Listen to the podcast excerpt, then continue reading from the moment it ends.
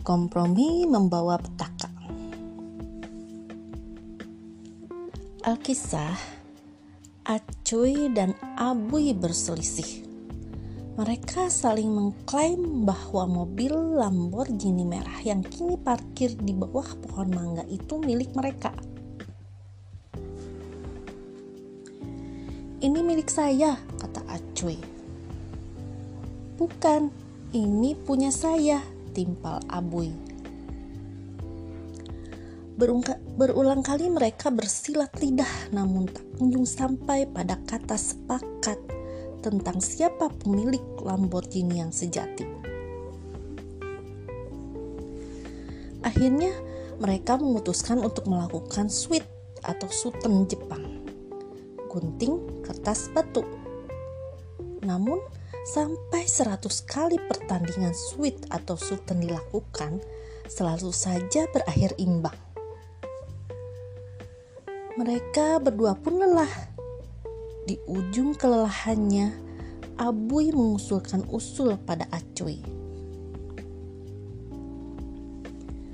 Cuy, daripada tidak ada yang menjadi pemenang, lebih baik kita bagi dua saja mobilnya kamu dari bagian lampu depan sampai jok yang di tengah. Sedangkan saya dari jok tengah sampai bagian knalpot belakang. Bagaimana? Karena merasa capek juga dan ingin segera mengakhiri persengketaan, Acuy mengiyakan usul Abuy. Siplah, okrai, terus dulu dong pembelahan mobil pun dilakukan. Kres, kres, kres. Ketika mobil selesai dibagi dua, dari jauh tiba-tiba datang sosok yang tampan lagi menawan. Perawakannya besar dengan pakaian serba mengkilap. Waduh, Kenapa mobilku? Kenapa mobilku dibelah seperti ini? Ini mahal, bro. Ternyata itu Bang Oman, pemilik mobil Lamborghini yang sebenarnya. Sebuah kisah petaka.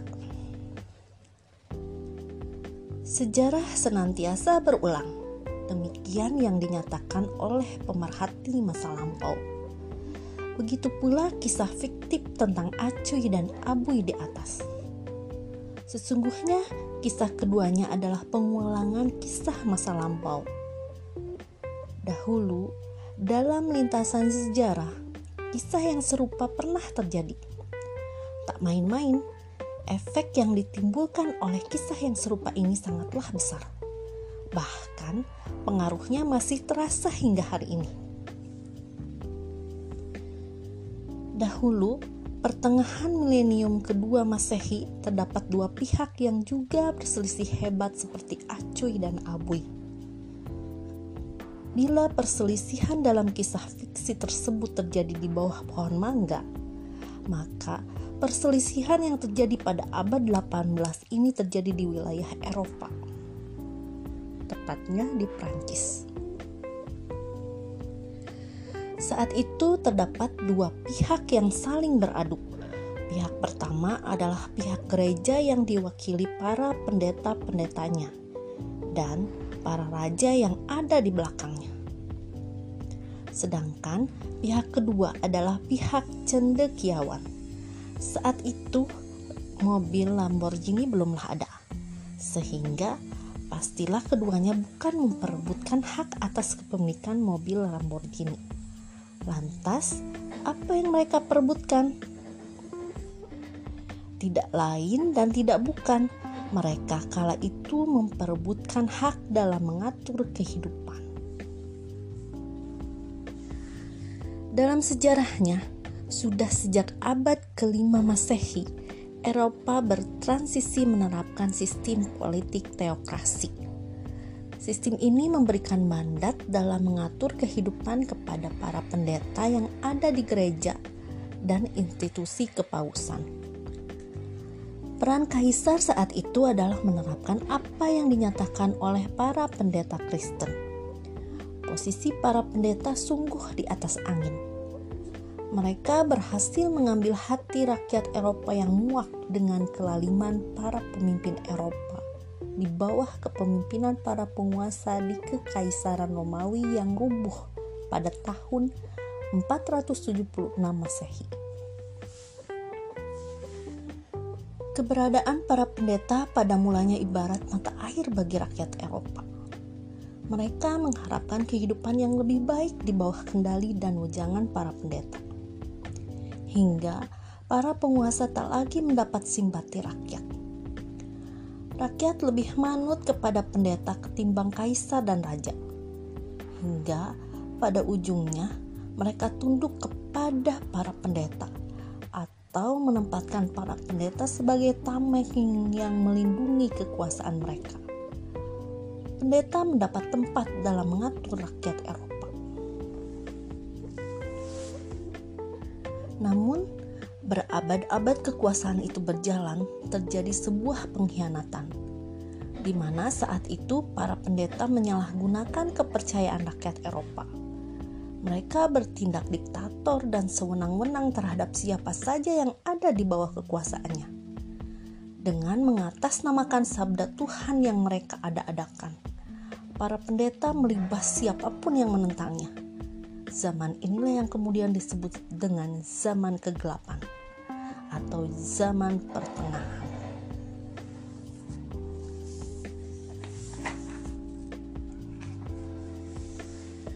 gereja saat itu melakukan penindasan yang luar biasa parahnya. Bahkan, banyak dari kalangan barat sendiri yang mengakui borok sejarahnya ini. Misalnya, karena Armstrong, mantan biarawati dan penulis terkenal yang menyatakan Sebagian besar dari kita tentunya setuju bahwa salah satu dari institusi Kristen yang paling jahat adalah Inkuisisi yang merupakan instrumen teror dalam gereja Katolik sampai abad ke-17. Metode inkuisisi ini juga digunakan gereja Protestan untuk melakukan penindasan dan kontrol terhadap kaum Katolik di negara-negara mereka.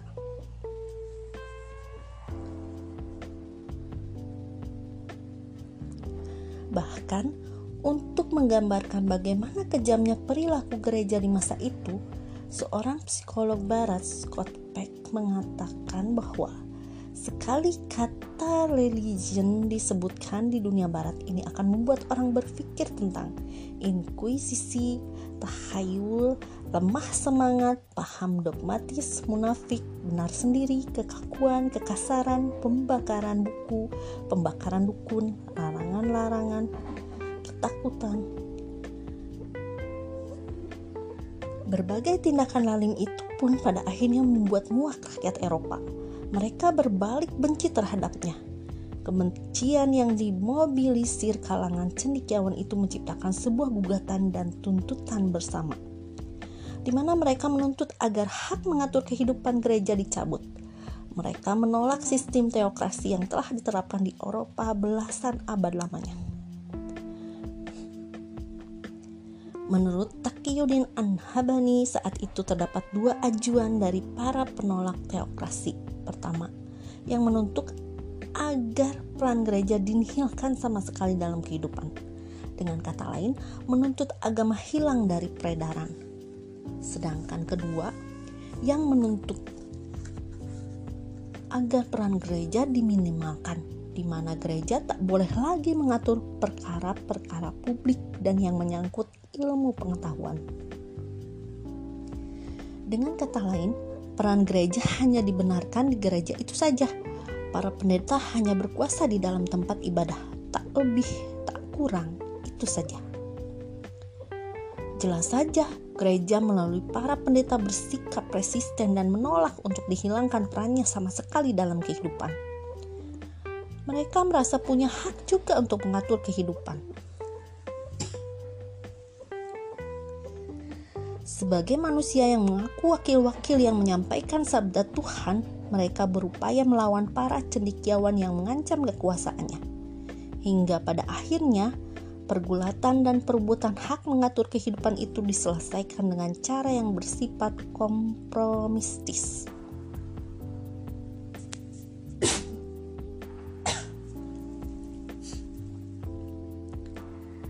Proses kompromi inilah yang kemudian melahirkan kesepakatan bersama, yakni menerima pilihan yang kedua, bahwa sejak itu sekitar abad 18 sampai 19 para pendeta dengan gerejanya tak lagi berhak memengaruhi ranah politik.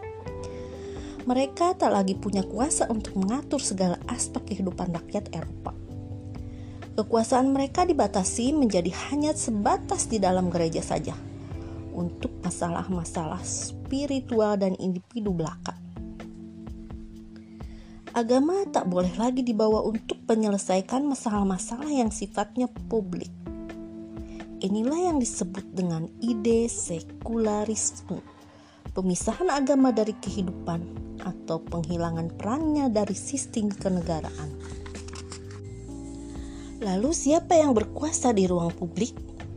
Ya mereka adalah para cendekiawan. Bersamaan dengan itu pula rakyat Eropa menggaungkan konsep politik yang baru yang digagas oleh para cendekiawan, yakni konsep politik yang bernama demokrasi. Konsep politik klasik yang pernah tegak di zaman Yunani kuno ini dihidupkan kembali oleh para cendekiawan Eropa. Dalam demokrasi, hak mengatur kehidupan bukan lagi milik pendeta dengan gerejanya, akan tetapi milik seluruh rakyat. Rakyat dianggap berhak menentukan aturan hidup sesuai dengan kehendaknya. Sebagaimana maknanya, demokrasi dalam bahasa Yunani merupakan gabungan dari kata demos dan kratos yang berarti pemerintahan oleh rakyat. Akhirnya, sejak saat itu, baik buruk, benar salah, terpuji tercela, dan segala standar dalam pijakan pengambilan keputusan diberikan kepada rakyat. Sekumpulan makhluk yang notabene adalah manusia, bukan kepada pendeta yang mengatasnamakan Tuhan. Dikutip dari buku Parodi Kapitalisme karya Farhan Al-Mutak